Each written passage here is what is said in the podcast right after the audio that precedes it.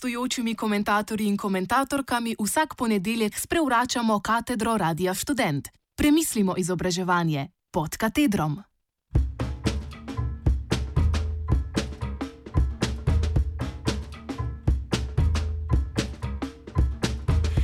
Pikalo se vrača.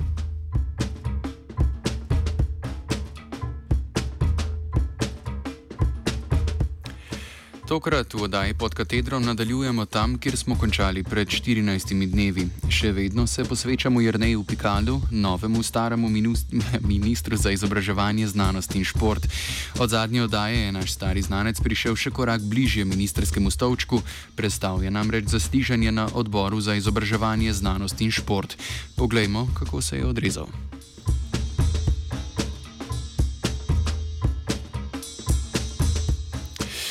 Jrnej Pikalo se predstavi kot učitelj, raziskovalec in oče dveh šoloobveznih otrok, torej kot ustvarjalec, izvajalec in uporabnik slovenskega šolstva. Izkušnje torej ima, ne na zadnje je že bil minister. Vseeno pa je na vprašanje, ali pozna ministrstvo, odgovoril z mogoče in razložil, da ga tam vedno kaj preseneti.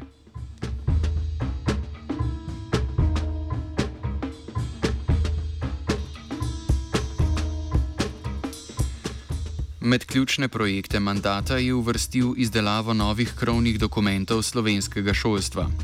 Kar trem pomembnim strokovnim dokumentom namreč v naslednjih letih poteče rok: Beli knjigi o vzgoji in izobraževanju, nacionalnemu programu visokega šolstva in resoluciji o raziskovalni in inovacijski strategiji Slovenije.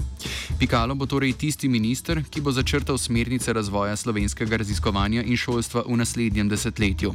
Zato je toliko bolj nujno, da se v ključnih ključnih problemih v naslednjih letih odpira čim več strokovnih razprav.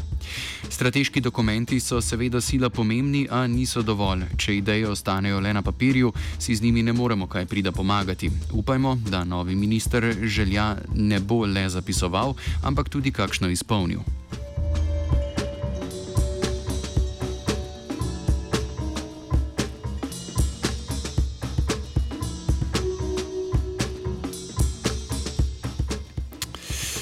Ena takih neizpolnjenih želja je zadostno financiranje visokega in višjega šolstva. Nacionalni program visokega šolstva predvideva, da bo do leta 2020 država za terciarno izobraževanje namenila 2 odstotka BDP proračunskih sredstev. Leto in pol pred iztekom roka nismo dosegli niti en odstotek BDP. Na zaslišanju si je bodoči minister zadal cilj, da bi ta en odstotek dosegli do leta 2025, kar je sedem let prej, kot je načrtovala ministrica v odhajanju Maja Makovec Brenčič. Dva odstotka se tudi s pogledom na naslednje desetletje zdita enako, če ne bolj oddaljena.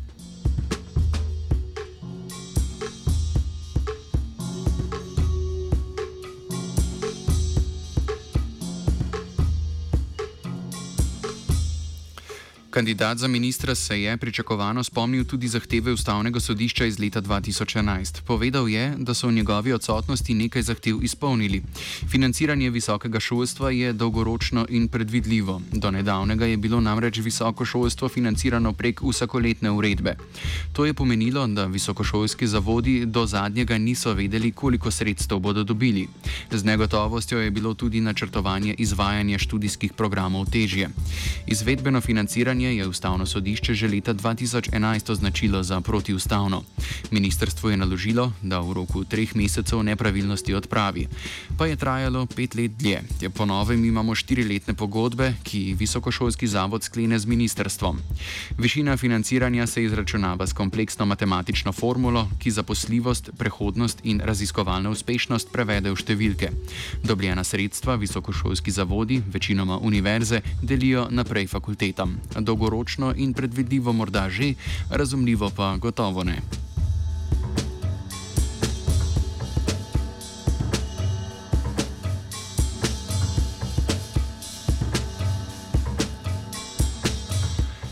Ustavno sodišče je zahtevalo tudi zakonsko opredeljeno definicijo javne službe. Obstoječi zvis že v prvem členu suvereno napove, da zakon opredeljuje javno službo.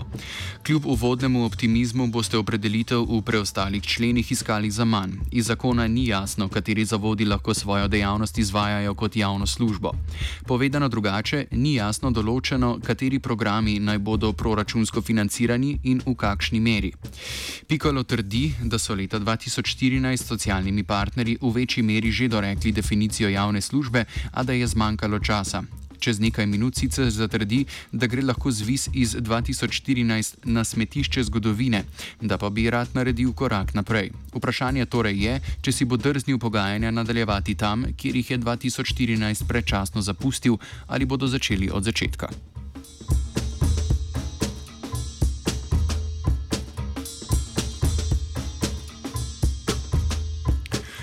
Nasprotuje tudi šolninam. Pravi, da je zadnji, ki bi šolnine podprl. Prav ste slišali, minister, ki jih je uvajal, jim zdaj najbolj nasprotuje. Z njegovimi besedami, iti nazaj makes no sense. Meni pa, da moramo študentom, ki so že izkoristili brezplačen študij, omogočiti, da v kasnejših letih ponovno študirajo. Zato bodo pa pač morali plačati. Pikalo se zaveda tudi problema prikritih šolnin. S tem imamo v mislih visoke upisnine, plačljive laboratorijske in terenske vaje, drage komisijske izpite in tako dalje. Z obljubljenim višjim financiranjem naj bi se tudi problem prikritih šolnin zmanjšal. Minister se torej zaveda, da se financiranje visokega šolstva prenaša na pleča posameznikov, vendar zmotno meni, da bo s finančno injekcijo probleme prikritih šolnin avtomatsko zmanjšal.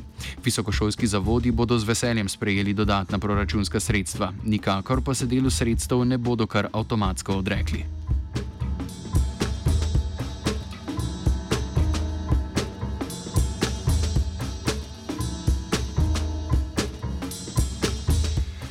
Na zaslišanju je beseda tekla tudi o tako imenovanih spin-offih oziroma odcepljenih podjetjih. Gre za eno bolj kontroverznih vsebin starega Pikalovega zvisa. Kaj pa ta podjetja pravzaprav so? So podjetja, ki jih ustanovi univerza ali zaposleni na univerzi. Glavni namen je prenos znanja razvitega univerzi v gospodarstvo. Univerza torej z javnim denarjem razvija neko tehnologijo, na to pa ustvari podjetje, ki s pomočjo te tehnologije ustvarja profit. Pikalo spin-offe zagovarja, nikakor pa to ne sme biti ključna dejavnost univerze. Dodaja še, da mora podjetje vse denar porabljen za razvoj vrniti univerzi. To v praksi pomeni, da gospodarstvo breme razvoja preloži na univerzo, na to pa znanje uporabi in plača. O pomankanju varovalk se kaj hitro lahko zgodi, da začne gospodarstvo par parazitirati na javni raziskovalni dejavnosti, torej uporabljati univerzitetno infrastrukturo za tehnološki razvoj, denimo z naročanjem raziskav.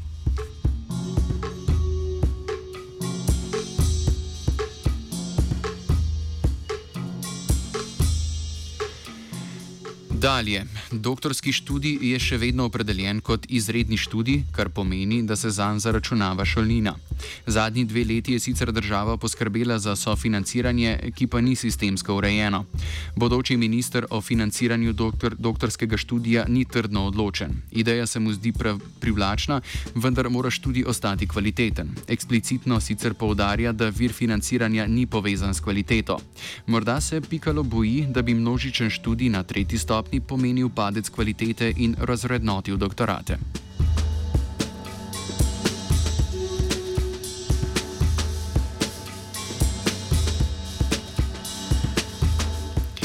Naj ga opomnimo, da omejevanje upisa z visoko šolnino ni najboljši način nadzorovanja kvalitete študija.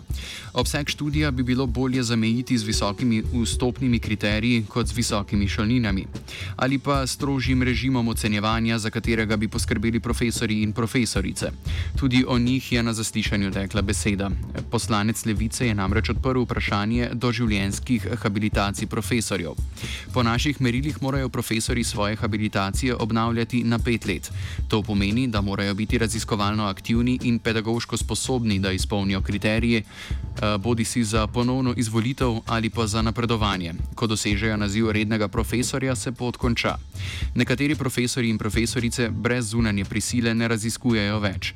Pikalo je mnenja, da bi morali take osebe stimulirati na drugačne načine, da bi vseeno nadaljevali svojo karjerno pot. Morda bi bilo bolje, da bi tudi redni profesori morali objavljati oziroma obnavljati svoj naziv. Take rešitve seveda ni pričakovati, vsaj dokler bodo izredni in redni profesori kraljevali v organih univerze.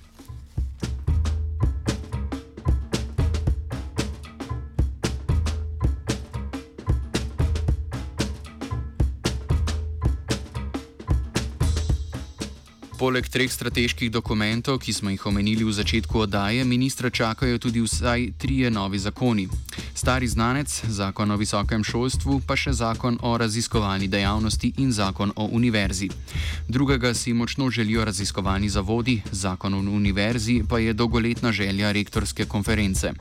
Rektorska konferenca si seveda želi čim večje avtonomije, s svojim zakonom bi si lahko pospravili tudi svoja pravila. Oziroma postavili menda. Predvsem pa si želijo, da bi se država v njihovo delovanje čim manj upletala. Nek zdaj že bivši rektor je pred časom izjavil, da bi zakon o univerzi lahko imel le dve besedi: Univerza je. Vse ostale podrobnosti se države ne tičejo. Bo že univerza poskrbela zase, kot najbolje zna, država naj le zagotovi financiranje.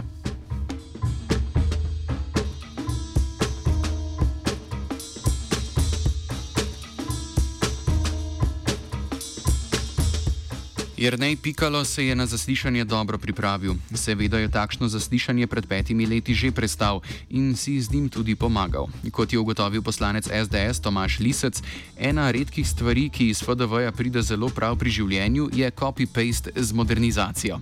Če lahko kandidat za ministra pet let kasneje reciklira svoje načrte, je nekaj hudo narobe, saj to pomeni, da v zadnjih petih letih ni bilo bistvenega napredka, da najbolj perspektiven resor stagnira.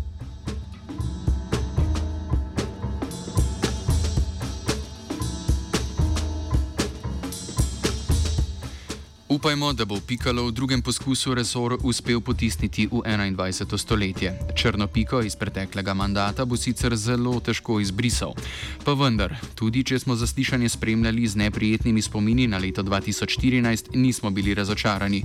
Bodoči minister ve, kaj dela in področje dobro pozna. Dobro ve, katera vprašanja so najbolj pereča in kje bo odpor najmočnejši. Upajmo, da bo ministersko ladjo naslednja štiri leta krmaril v pravo smer. Nekatere prave poti je na zaslišanju zaslišanju že začrtal, želimo si, da bi na njih tudi ostal, ter da ga sirene kapitala ne bi speljala na čeri privatizacije.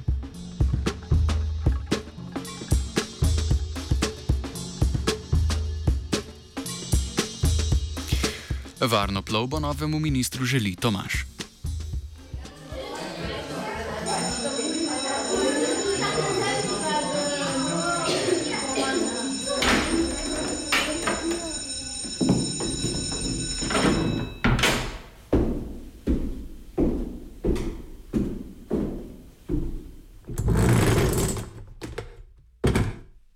Gostujočimi komentatorji in komentatorkami vsak ponedeljek sprevračamo katedro Radia Student. Premislimo izobraževanje pod katedrom.